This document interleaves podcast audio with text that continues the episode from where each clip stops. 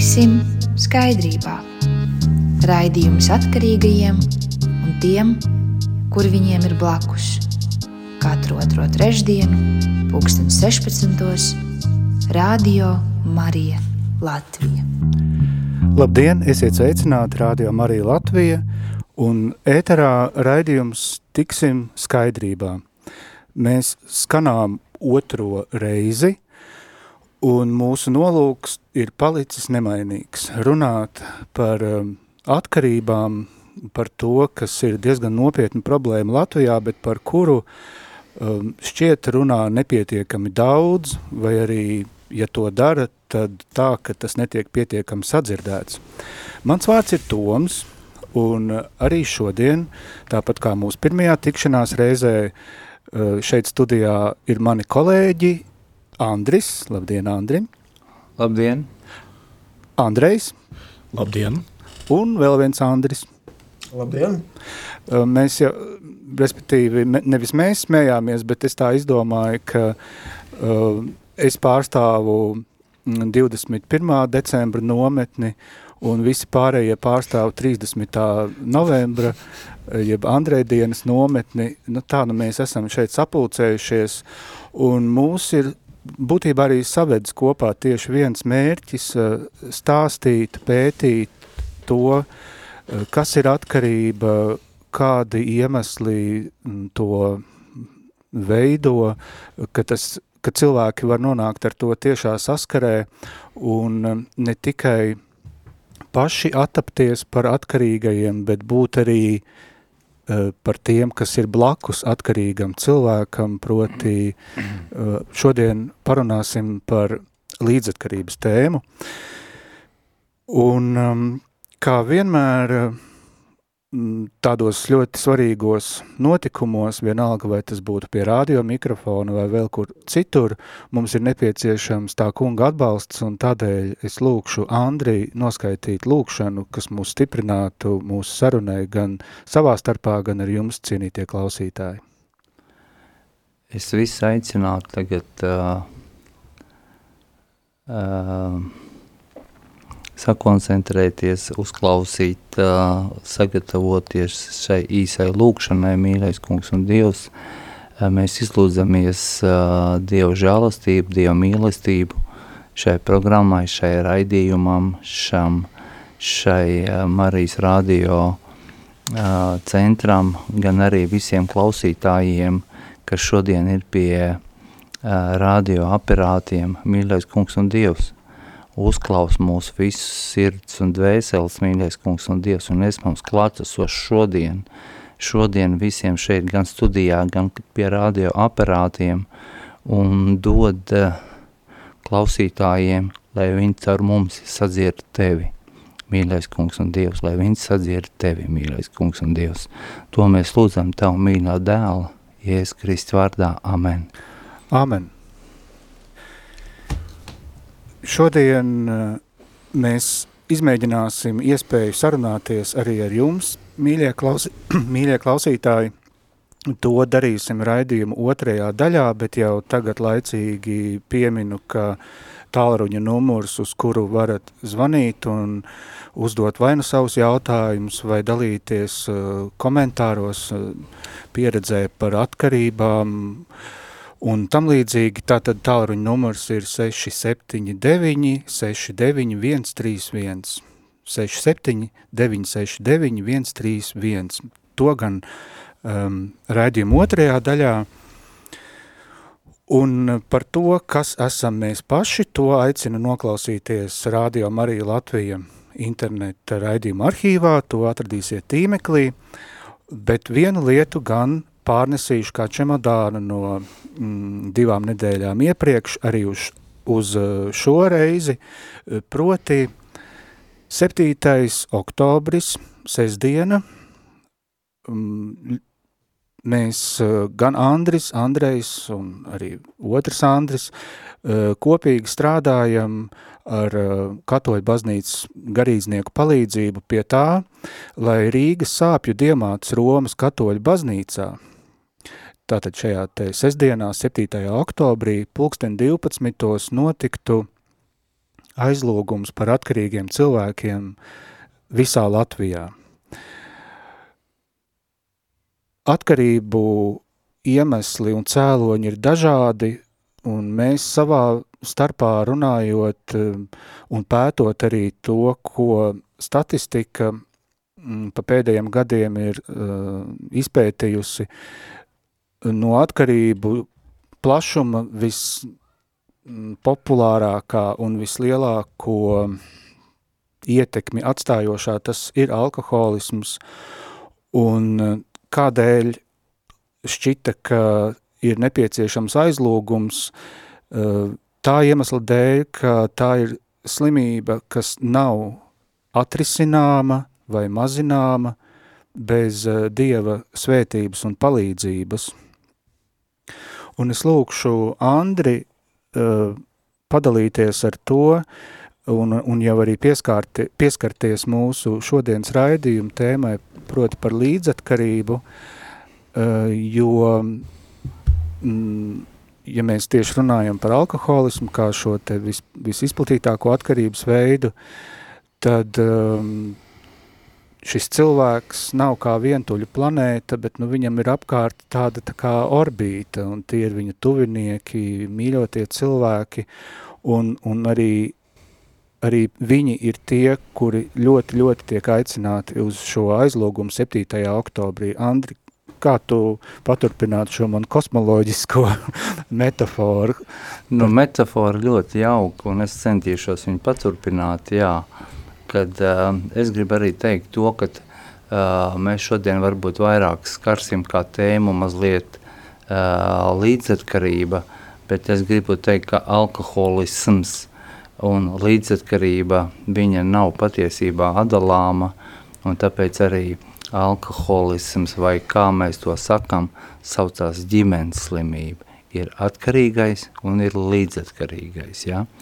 Un, uh, jā, Mēs šodien gribam aicināt 7. oktobrī Rīgas sāpes Dievmāts katoļu Romas baznīcā Pils ielā 5.12. Mēs viņu varam saukt par aizlūgumu, bet viņš ir arī dievkalpojums. Tas būs vesels dievkalpojums, kur var nākt gan atkarīgie, gan līdzatkarīgie. Man pieredze rāda, kad noteikti lielākā daļa varētu būt līdzatkarīgo, ja, bet, uh, um, bet tā problēma ir tā, kāpēc mēs arī saucam uh, atkarību par slēpto slimību vai, vai, vai uh, noliegumu slimību, ka man tāds nav, ja, jo pa vidu stāv šādas sajūtas, uh, bailes, kauns, uh, mazdošība, ko citi teiks, ko citi padomās. Ja? Un tāpēc es aicinu uh, gan atkarīgos, uh, gan jo īpaši līdzatkarīgos uh, tikt galā ar savām bailēm, ar kaunu sajūtām, ar satraukumiem, uh, nākt ārā no savām alām, nākt uz, uh, uz lūkšanu. Lūkšana ir spēks, lūkšanai ir ļoti liels spēks, ja? uh, un, ja, un mēs varam lūgt uh, katrs mājās savā stūrītī, viņa arī ir lūkšana, bet viņa ir maza lūkšana, ja?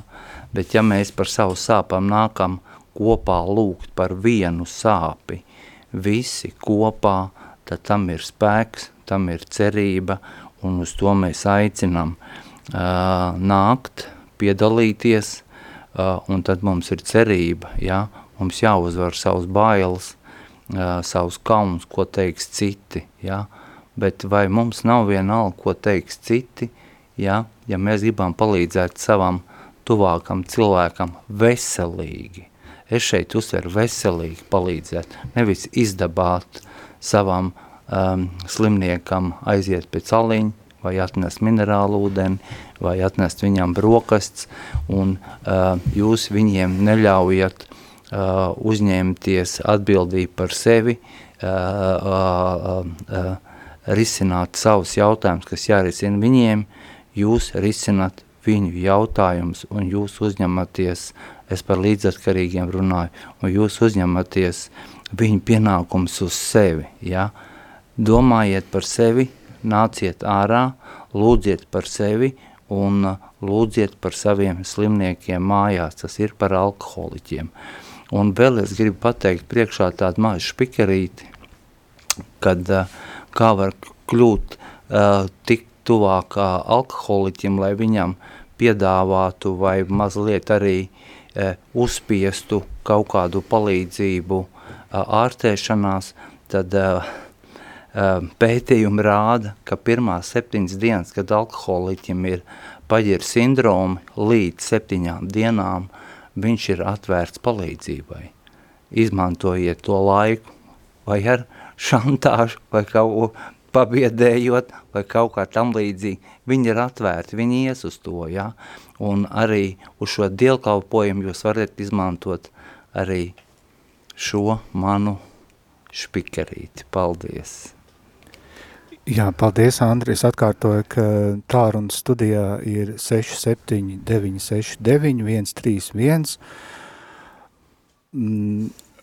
Tādā ziņā, ka mums ir divi Andri, es domāju, mēs varētu ieviest uh, tādus tā kā mm, titulus, proti būtu Andris vēstītājs un Andris pētnieks, jo otrais no Andriem, kuru pieminēja pagājušajā raidījumā, bija apkopojis uh, uh, statistiku par to, kādas ir praktiskās sekas atkarībām saistībā ar to, ko cilvēki mēdz izdarīt, esot dažādos reibumu stāvokļos un kā, un kā tas viss gadu pēc gada paliek par ar vien draudīgākiem cipariem uh, gan ievainojumu ziņā, gan, diemžēl, arī letālos iznākumos. Un tagad uh, Andris pētītājs ir ieskatījies uh, tajā, mm, par, uh, ko par līdzatkarību, kā tādu nu, atkarības paveidu,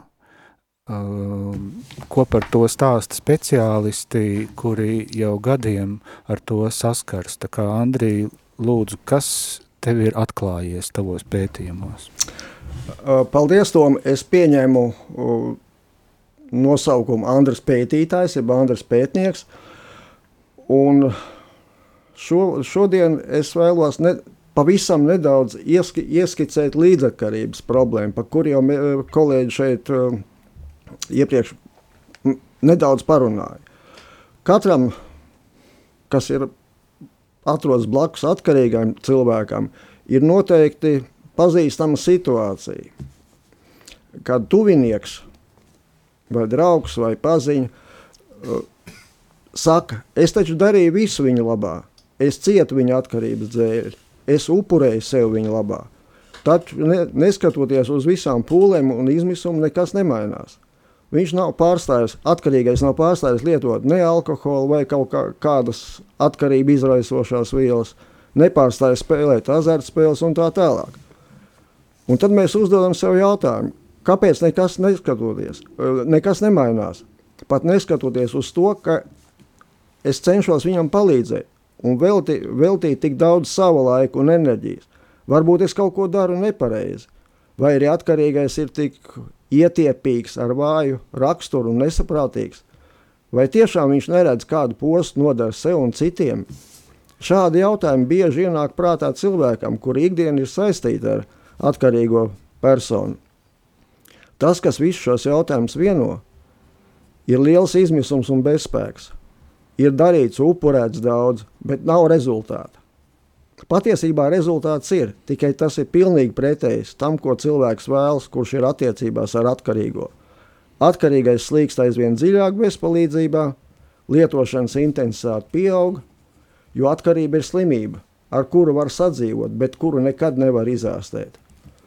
To bieži nevēlas pieņemt ne, eh, nevis pats atkarīgais, ne tie cilvēki, kas cieš no viņa atkarības.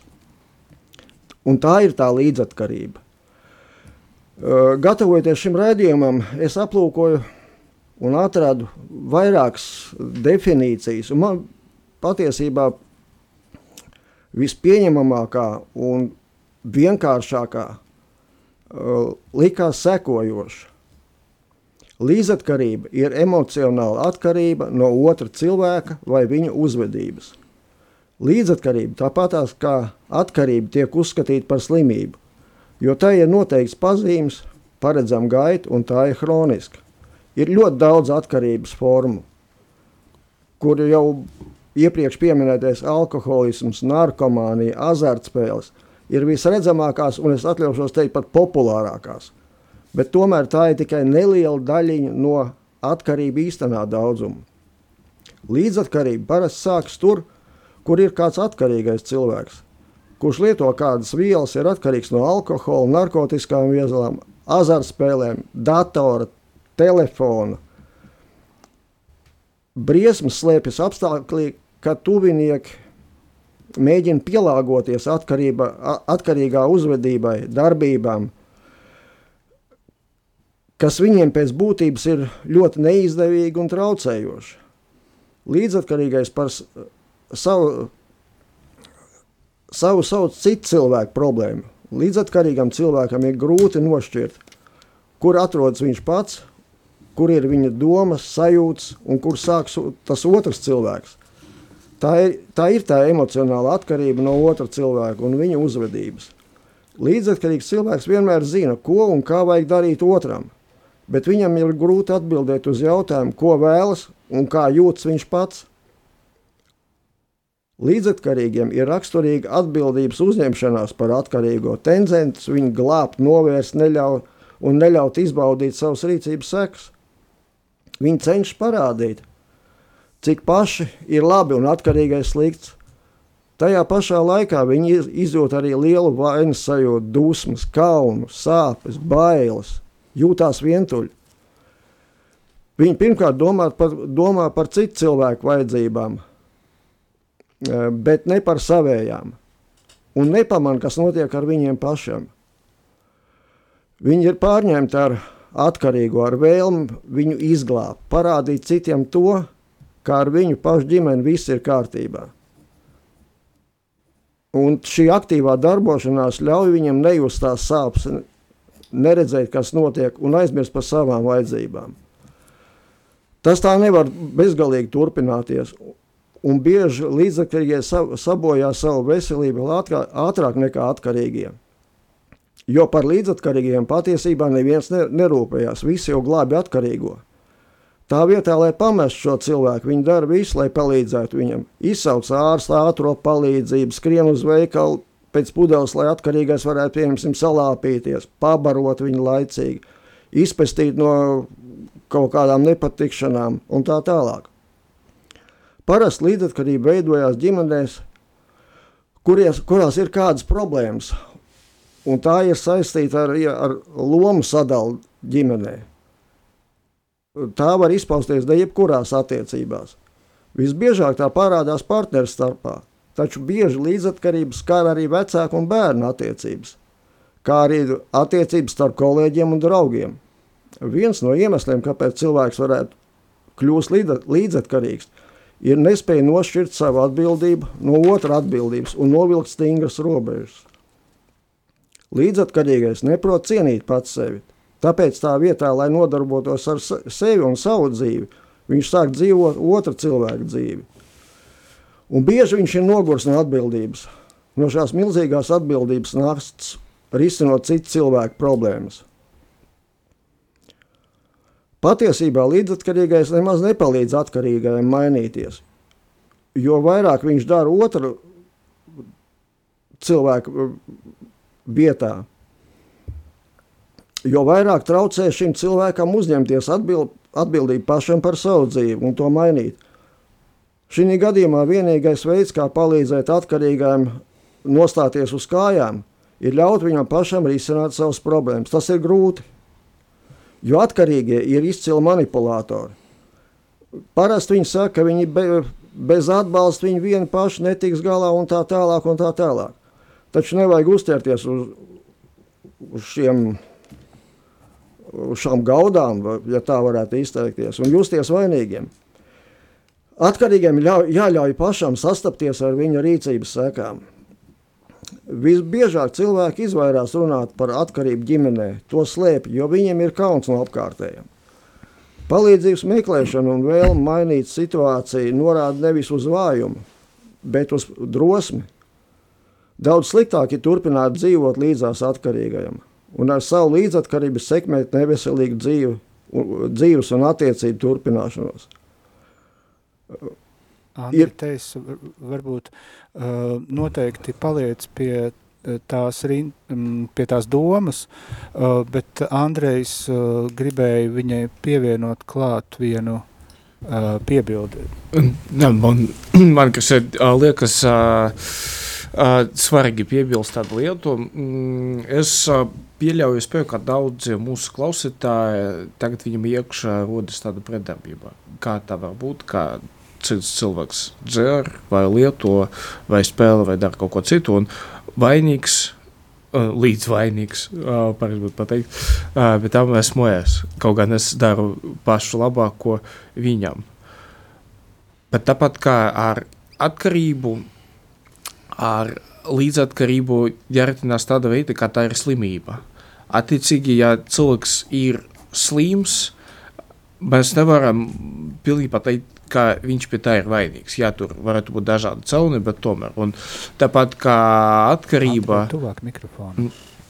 Tāpat kā atkarība rodas bieži vien tā, kādas apstākļus, dēļ, kuri neatkarīgi no cilvēka. Piemēram, tādas pašas, teiksim, tā ģimņu nosaucuma dēļ. Jā, bērns vēl nogras bērns redz, kā kāds no vecākiem regulāri ļaunprātīgi lieto alkoholu, tas uh, krietni palielināja spēju, ka viņš darīs to pašu. Pat ja viņš to redzēja tieši uh, negatīvajā pusē, ja viņš redzēja, ka tas ir slikti, bet teiksim, tā, viņas uh, ikdienas dzīve tas ir kaut kas, kas jau ir bijis. Un, attiecīgi, uh, viņš palika uh, ķeras pie tā, ka tas ir, uh, tas ir kaut kas pieļaujams un pieņēmams. Un kas ir vēl interesanti, uh, līdzatkarībā uh, sakoties, attīstās uh, pēc, uh, teiksim tā, pēc uh, apilu principā. Tad vienreiz cilvēks izglāb un palīdz savam atkarīgam tuviniekam. Un kādā brīdī viņš saprot, ka es pat šim cilvēkam, kurš jau dzīvo pašā teiksim, sabiedriskā ap, apakšā knapi esmu vajadzīgs. Kādam tad es varētu būt vajadzīgs, ja uh, pat viņš mani tā uztver? Vai tad es vispār kaut ko vērtēju vai, vai nē? Un uh, cilvēkam ļoti pazeminās arī pašapziņā. Viņam palika grūti uh, sevi uh, novērtēt pareizi Un cilvēks ar vienu vajag pats uh, iedziļinās šī līdzatkarība, tāpēc, viņam rodas uh, šita kļūdaina sajūta, ka viņš nevienam šī, uh, šajā pasaulē nav vajadzīgs, ja viņš knapi vajadzīgs arī atkarīgam cilvēkam. Un tādēļ vienkārši cilvēks neredz nekādu citu iespēju, nekādu citu izēju no situācijas, kā tikai turpināt it kā palīdzēt savam atkarīgam uh, tuviniekam, bet faktiski tikai turpināt viņu nogalināt kopā ar viņu pašu. Paldies, Andrei, par šo piebildi. Andri, tad jā, varbūt uh, vēl paturpini, kas ir pilnīgi noteikti neizlaižams no tā, ko tu paskatījies par līdzatkarības tēmu, kā tas notiek sabiedrībā. Jā, paldies Tomam, paldies Andrei. Andrejs te pieminēja vienu vārdu - bērni, kuri ir tādi paši līdzatkarīgie, kā arī pieaugušie, jo viņi ir spiest uh, sadzīvot ģimenē ar vecāku atkarību. Un tas ir ļoti nopietni. Šī gadījumā uh, šī līdzatkarība bojā normālu ģimenes dzīvi, un rezultātā šie bērni vai pusauģi izaug ar emocionālām vai psihiskām problēmām, traumām. Visbiežāk tā ir, viņi kļūst par alkoholiķiem, azartspēļu vai narko, narkotika atkarīgiem, par kuru viņi izvairās runāt, jo izjūt kaunu savu vecāku vietā. Ir grūti distancēties, protams, no ģimenes tradīcijām, situācijām, bet bērni nav atbildīgi par savu vecāku problēmām. Viņiem nebūtu jāklusē par situāciju, kādā viņi atrodas. Nu, ideālā gadījumā, manuprāt, tas, ja ideālā gadījumā, manuprāt, tā būtu, ja pusaudzim būtu kāda uzticības persona, kas ir ļoti grūti vispār tādu atrast, ar kuru viņš varētu izrunāties un mēģināt risināt situāciju. Un pašā nobeigumā es vēlētos tā piebilst vēl, ka mēs patiesībā ļoti maz um, nozīmes pievēršam savām emocijām un reti uzdodam sev paši sev jautājumu, kā es jūtos un ko es gribu. Mūsu dzīves kvalitāti nosaka ne tikai tas, cik sakārtot ir ārējā pasaule, bet arī tas, kas notiek mūsu iekšējā pasaulē.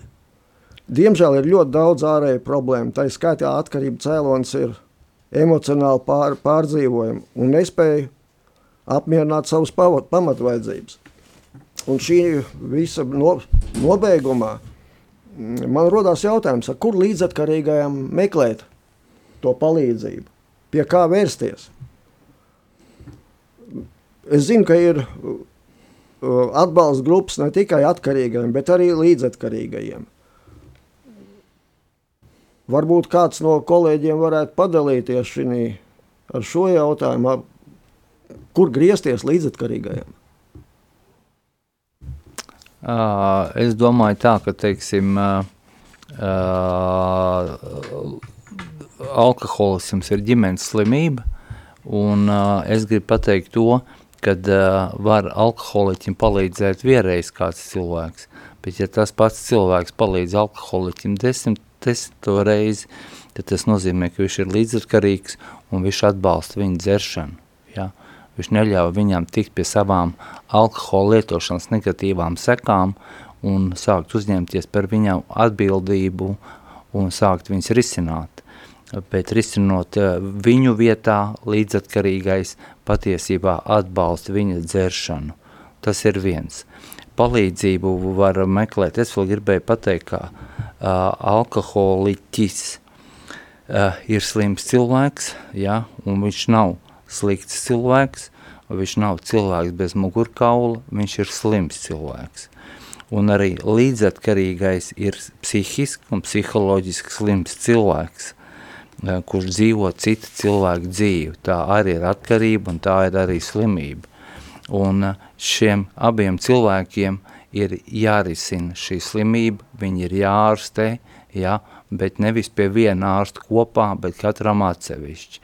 Viena no ir, protams, katrs var izvēlēties savu psihoterapeitu, ja, bet uh, Latvijā diezgan bieži uh, tiek uh, pasniegts, kad ir Alanon programmas, jeb uh, līdzatkarīgo uh, sapulcs un anonīmu alkoholītu sapulcs, kas ir saistīts arī ar Dieva, ar garīgumu, un uh, cik man ir informācija, tas ļoti daudziem palīdz. Paldies! Paldies, Andri! Un vēl par to, kur vērsties un meklēt palīdzību, tas un ir viens no šī raidījuma uzdevumiem, un mēs noteikti ar nākošajām tikšanās reizēm arī mm, centīsimies atrast uh, profesionāļus, kuri, kuri pastāstīs par to vairāk. Mm, šobrīd uh, mēs esam vēl tādā izpētes procesā, bet pavisam noteikti jebkurā pašvaldībā vārdu salikums sociālais dienests ir, ir vieta, kuru um, kur noteikti var vērsties pēc konsultācijām un, un kaut vai pavisam vienkārši, tas ir arī ģimenes ārsts reizēm, kurš uh, ir kā tiešām tāds universālais kareivis, uh, kurš var uh, nu, diagnosticēt ne tikai uh, saslimšanu, bet arī situāciju, um, nu, kaut kādus apstākļus, ieraudzīt tās kopsakarības un pēc tam uh, teikt, nu, šeit nu, ir tā sarkanā līnija sasniegta, šeit ir uh, jau jāmeklē specializēta ārstniecības iestāde, ja, ja, ja atkarības gadījums ir ir jau, ir jau sasniedzis to brīdi, un, un līdz ar to tās, tās palīdzības uh, takas ir pavisam blakus, bet uh, nu, kas to visu traucē uh, sasniegt, tā ir kauna sajūta. Uh, jo tam, uh, jo kaunam tikt pāri, mm, nu, tas ir viens no tādiem visgrūtākajiem izaicinājumiem, um, jo mums ir tā sociālā mm, funkcija kā cilvēkam, uh, tādēļ tās saites ir ļoti ciešas un, un atzīt to brīdi, es atvainojos, kurā tu esi. No viņām izkritis laukā, kurā tu attopies par to vājo ķēdes posmu, uh, tā var būt ļoti mm, nu, tāda apžilbinoša, sliktā nozīmē atskārta, tāda, tāda kas ir var, varbūt uzdzīt, uzdzīt kaut kādus drabuļus, ka, hmm, uh, attopos par tā vai citādi par melno avi. Um, varbūt uh, Andrejam ir kāda piebilde par šo te sociālo aspektu, kā, nu, nu ir svarīgi saprast, ka palīdzība līdzatkarīgajam sākas ar pilno apziņu sevi par uh, līdzatkarīgo. Faktiski, ja tas ir, tad palīdzībā atradīs šo cilvēku pašu, jo tik līdz cilvēks pats sevi apziņas kā līdzatkarīgu, tāpēc es arī aicinu mūsu klausītājus, tiem, kuram ir kādas aizdomas par to, vai viņa varētu būt tāda, jo ātrāk, jo labāk, labāk pat jau tūlīt mēģināt saprast, vai jūs esat līdzatkarīgs cilvēks vai nē. Un uh, tik līdz līdzatkarīgiem atnāk sapratnē, ka viņš ir līdzatkarīgs, viņš, uh, teiksim tā, viņš atradīs palīdzību jau pats, jo viņam uzreiz radīsies tāda pilna nepieciešamība meklēt palīdzību. Tas ir līdzīgi kā, kā atkarīgam cilvēkam, kad viņš atzīst sevi par atkarīgu un saprot, ka viņam jārisinās šī problēma, viņam rodas tāds iekšējs resurs, lai šo problēmu risinātu.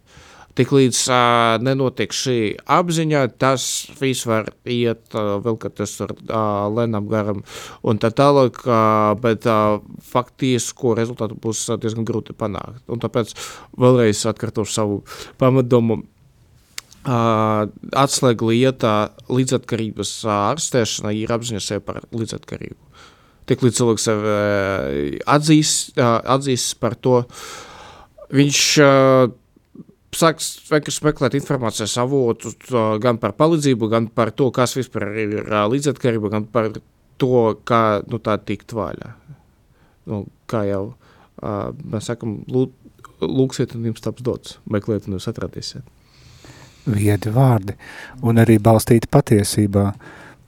Runājot par to, ka līdzatkarīgais uh, domā par uh, citu vajadzībām, nu, konkretizēsim otra cilvēka vajadzībām, nevis par savējām, eh, tā taču īstenībā ir viena iezīme, kas viņu novienādo arī ar atkarīgo, jo arī nu, atkarīgam cilvēkam mm, var būt tā nodošanās kaut kādam eh, darbam vai, vai, vai, vai nodomiem tik lielā mērā, ka viņš aiz tā aizēno nu, to, to, to savu apstāšanās brīdi un sapratni, ka arī viņam ir problēmas. Andri, kā tu to redzi? Jā, es gribēju pateikt to, ka, teiksim, alkoholiķim un līdzatkarīgam, lai sāktu savu ceļu, vai garīgo ceļu, vai atveseļošanos ceļu, ir vispirms alkoholiķim jāatzīst savu bezpēcību alkohola priekšā, jā, un tad viņš iet meklēt palīdzību, jā, un līdzatkarīgam atkal ir jāatzīst bezpēcība alkoholiķa priekšā, ka viņš nevar viņu izārstēt un viņam neko dot, neko palīdzēt, ka viņš ir bezspēcīgs. Un tad, kad viņš atzīst to, kad viņš nav tas cilvēks, ka viņš ir bezspēcīgs alkoholīti priekšā un izmainīt viņu dzeršanu, viņš dodās meklēt palīdzību. Un tad, kā Andrejs pateica, tas, kas meklē, tas atrod, ja? Un, protams, mēs šeit bišķi priekšā norādām, uz kurien var doties, ja?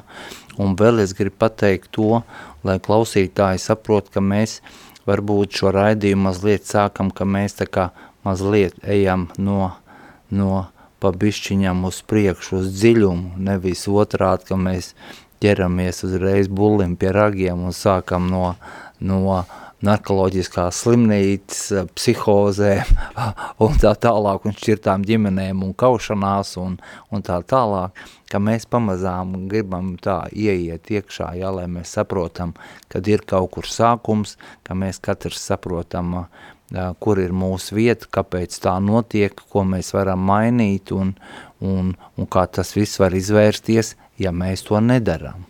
Paldies! Paldies tev, Andri! Ir 20. septembris, jūs klausāties Radio Marija Latvija, šis ir raidījums Tiksim skaidrībā, un turpinājumā paklausīsimies mm, Ziemeļvalstu jauniešu kori, kurš dziedās 23. psalmu.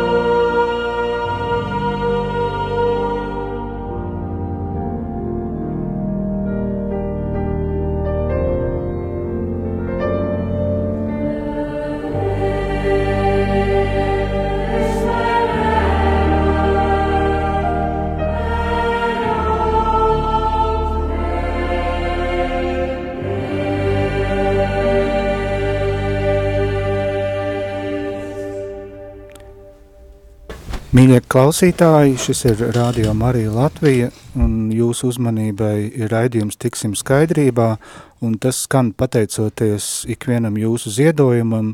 Ziedojuma tāruns ir 900 6769. Viena šāda zvana cena nozīmē 4,27 eiro. Ziedot iespējams arī tīmekļa vietnē rml.lv slīpsvītra ziedo, Un aicinām arī jūs zvanīt uh, ar saviem jautājumiem vai komentāriem par iepriekš dzirdēto uz uh, studijas numuru 67 969 131.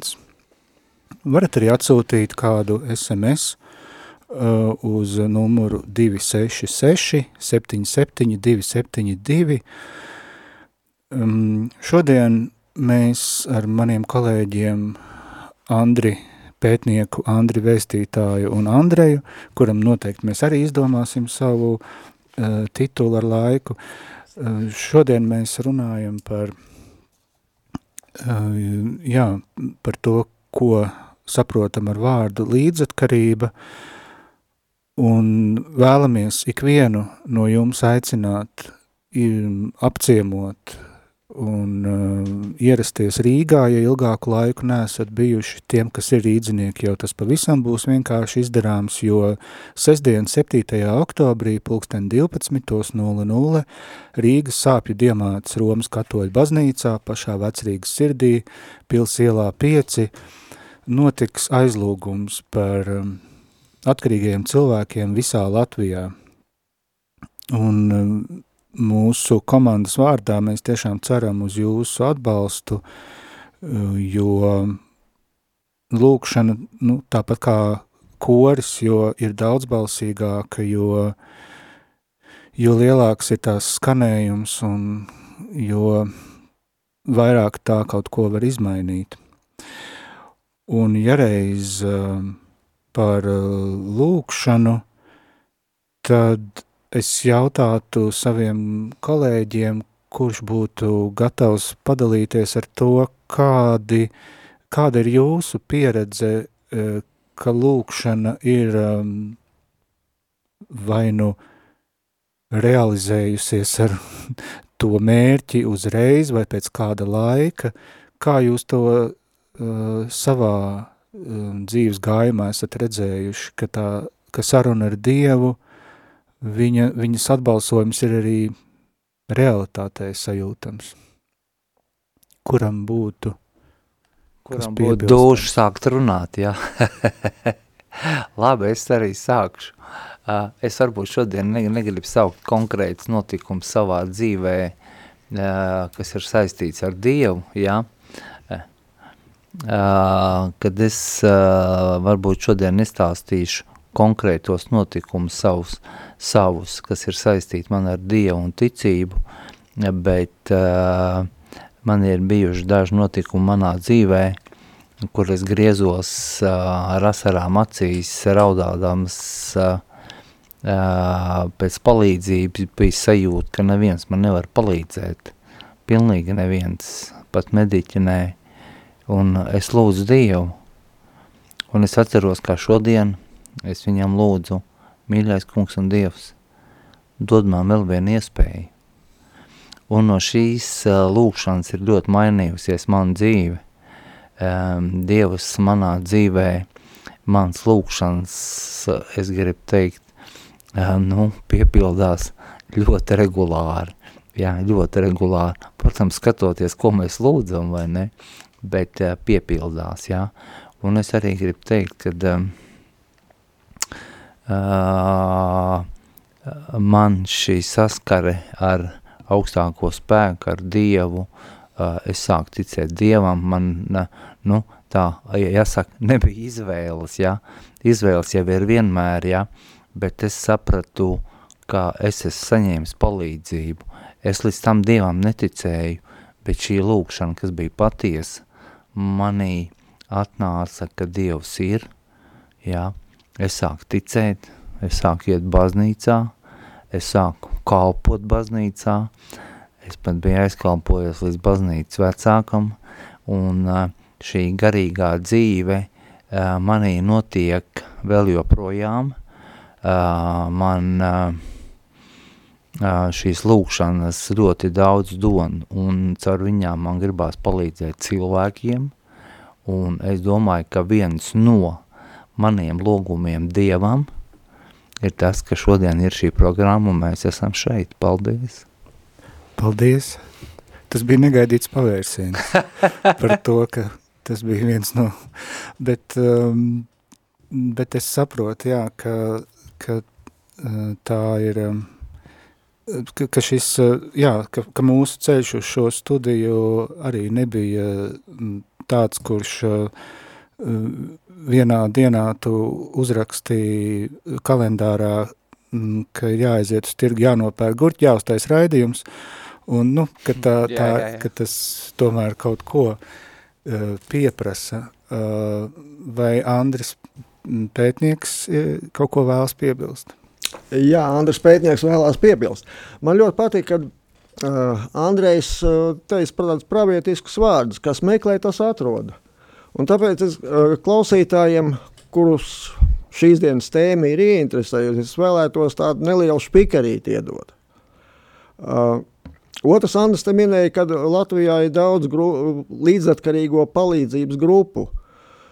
Uh, un informācija par tām kur viņas atrodas, kādi ir kontakti, var atrast internetā sekojošā adresē alanon.org.lv Un vēl vēlos piebilst tādu lietu, ja, ka uh, dalība šajās grupās ir anonīma, kas, manuprāt, ir ļoti svarīga līdzatkarīgajiem. Un atkarīgajiem runājot par, par uh, lūkšanas nozīmi, es um, papētīju britu rakstnieka un teologa Klaiva Stēpla Luisa atziņas par to, ko lūkšana nozīmē viņa dzīvē, un kaut gan viņš bija 20. Mm, gadsimta 30. 40. gados tajā laikā studentu un, un, un savu biedru ļoti uh, iemīļots, viņš bija nu, kaut kas līdzīgs, ko varētu saukt par kompānijas dvēseli, bet lūkšana bija tā tēma, par kuru viņš nekad nerunāja publiski, un arī nu, tādās draugu sarunās cik es skatījos, viņš par to nav stāstījis.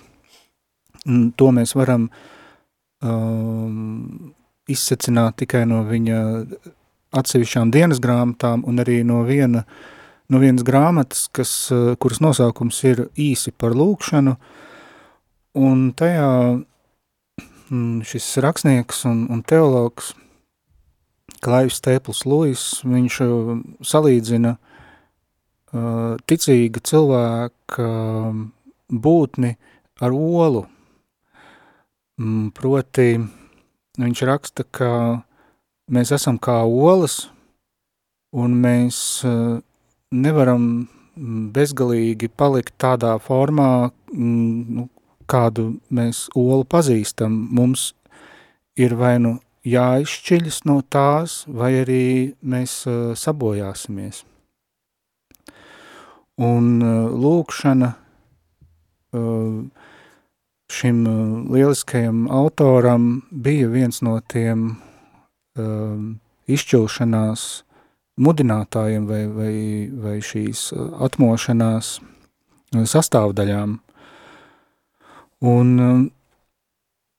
viņš arī ir rakstījis šajā mazajā grāmatiņā par to, ka um, viņš ir mēģinājis praktizēt to lūkšanu, kas ir bez vārdiem, ko mēs varētu uh, šīs dienas izpratnē um, salīdzināt ar kristīgo meditāciju, ar tādu, ar, ar, ar klusuma, um, klusuma meditāciju, un brīžos, ka, kuros uh, šķiet, ka mm, ūdens uh, smeļas mutē un um, un, un, un, un ir, ir tiešām pēdējais brīdis klāt tajos, uh, Klais Staples Lewis uh, saka, ka nu, viņš salīdzina to epizodu tiešām ar tādu cilvēku, kurš slīkst un uh, kurš ar savu uh, tādu mm, savu kustību, haotiskumu un, un, un, un ātrumu uh, pats sevi tieši gremdē un, un, un nevis notur virs ūdens. Um, un viņš saka, ka tieši mūsu bēdu skaļums mums traucē saklausīt Dievu.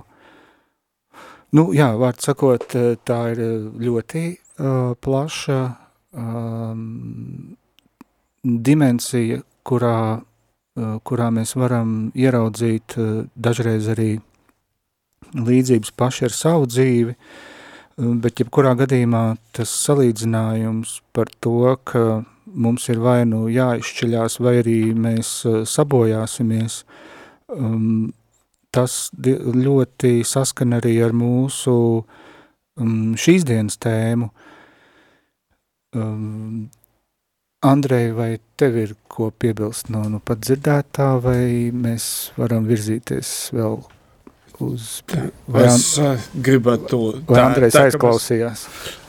Tā kā mēs tuvamies pakāpeniski mm, nobeigumam, man gribu tas piebilst vēl vienu ļoti svarīgu lietu, kuru laikam vajadzētu vēl bija pateikt paša sākumā. Ja jūs kā līdzatkarīgais jau plānojat rīkoties, jums ir jātiek vaļā no visiem attaisnojumiem. No daudziem līdzatkarīgiem ir tā kā, nu, dzer, bet toties katru vakaru mājās. Dzer, bet baro ģimene. Dzer, bet uh, pretī ir vēl kaut kas. Uh, tik līdz ir tāda attaisnojuma, uh, nekādas uh, jūsu līdzatkarības, pirmkārt, un arī otra cilvēka atkarības apkarošana normāli nenotiks. Un faktiski jūs tikai turpināsiet Uh, izmantojot arī tos attaisnojumus, nogalināt to otru cilvēku un arī kaitēt sev. Un arī, ja tāda attaisnojuma jums ir, kā dzer, bet nekrāp, dzer, bet nodrošināt ģimeni, dzer, bet katru vakaru mēs, tad jautājums tieši jums pašam vai pašai, ko jūs darat ar šo cilvēku, vai jūs padomājiet, vai nav gadījuma tā, ka jūs šo cilvēku ļaunprātīgi izmantojat. Kā jums vienkārši ir parocīgi, ka viņš katru vakaru mājās, ka viņš nodrošinā ģimeni, ka viņš nekrāp un pretī viņš var uh, pakāpeniski mirst. Uh, lūk, un uh, tik līdz uh, cilvēki netiks vaļā jau pilnīgi un tā uh, nostīras no visiem attaisnojumiem, principā normāla atbrīvošana no atkarības vai līdzatkarības uh, iespējama nebūs, diemžēl. Andri, vai tev ir kāds kopsavilkums? Man ir kopsavilkums tāds, ka es gribēju pastāstīt stāstu uh, par veselīgu ģimeni, kur cilvēki lieto alkoholu mazliet, ja viņi nav alkoholiķi, un, un kur mēs redzam, kāda dzīvo veselīgi, un, uh, un kas ir līdzatkarība, ja? Uh, jo līdzatkarība Uh, ir, uh, kad uh, līdzatkarīgam jāsāk domāt par sevi, savām sajūtām, savām vajadzībām, savām rīcībām uh, un caur sevīm un pašam iet tās pildīt. Bet lūk, man ir viens stāsts iz manas dzīves. Uh, biju kompānijā, vienreiz sēdējām saviesīgā vakarā un uh, tur viens ģimenes pāris, uh, vīrs bija mazliet ieņēmis bišķi vairāk, ielietojis alkoholu un viņš sēž koridorā un nevar uzvilkt kurpes. Un viņam uh, nama māte saka, ej tak palīdz savam vīram uzvilkt kurpes.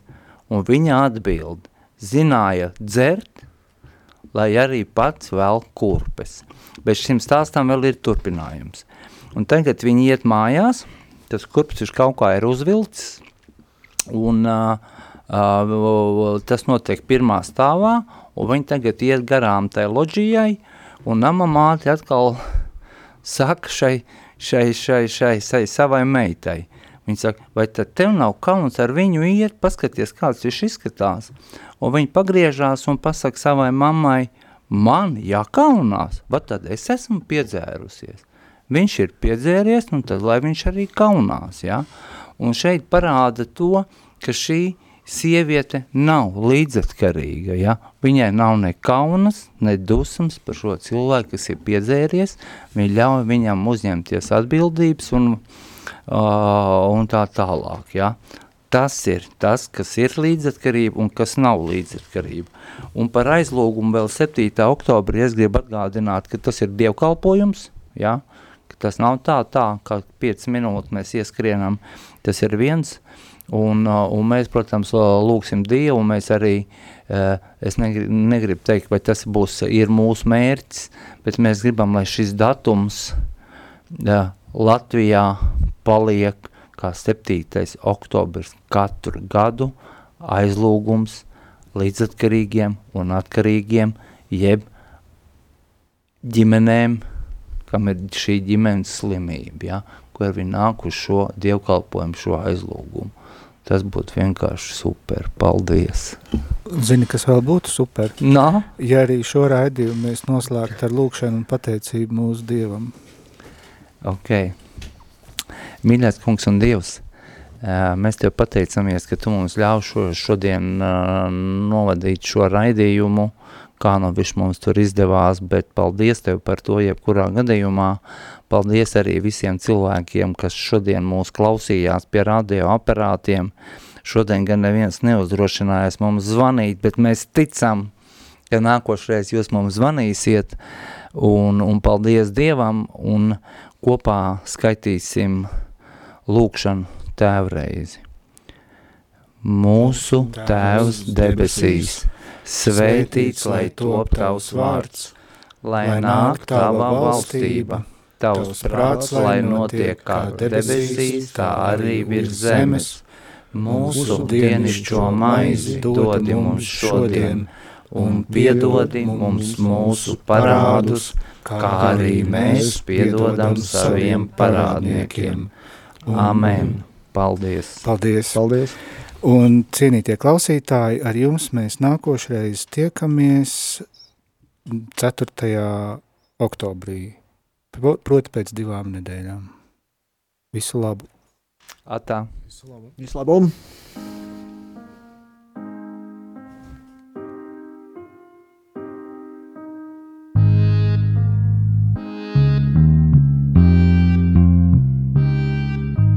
Tiksim skaidrībā. Raidījums atkarīgajiem un tiem, kur viņiem ir blakus. Katru otro trešdienu, 2016. Radio Marija Latvija.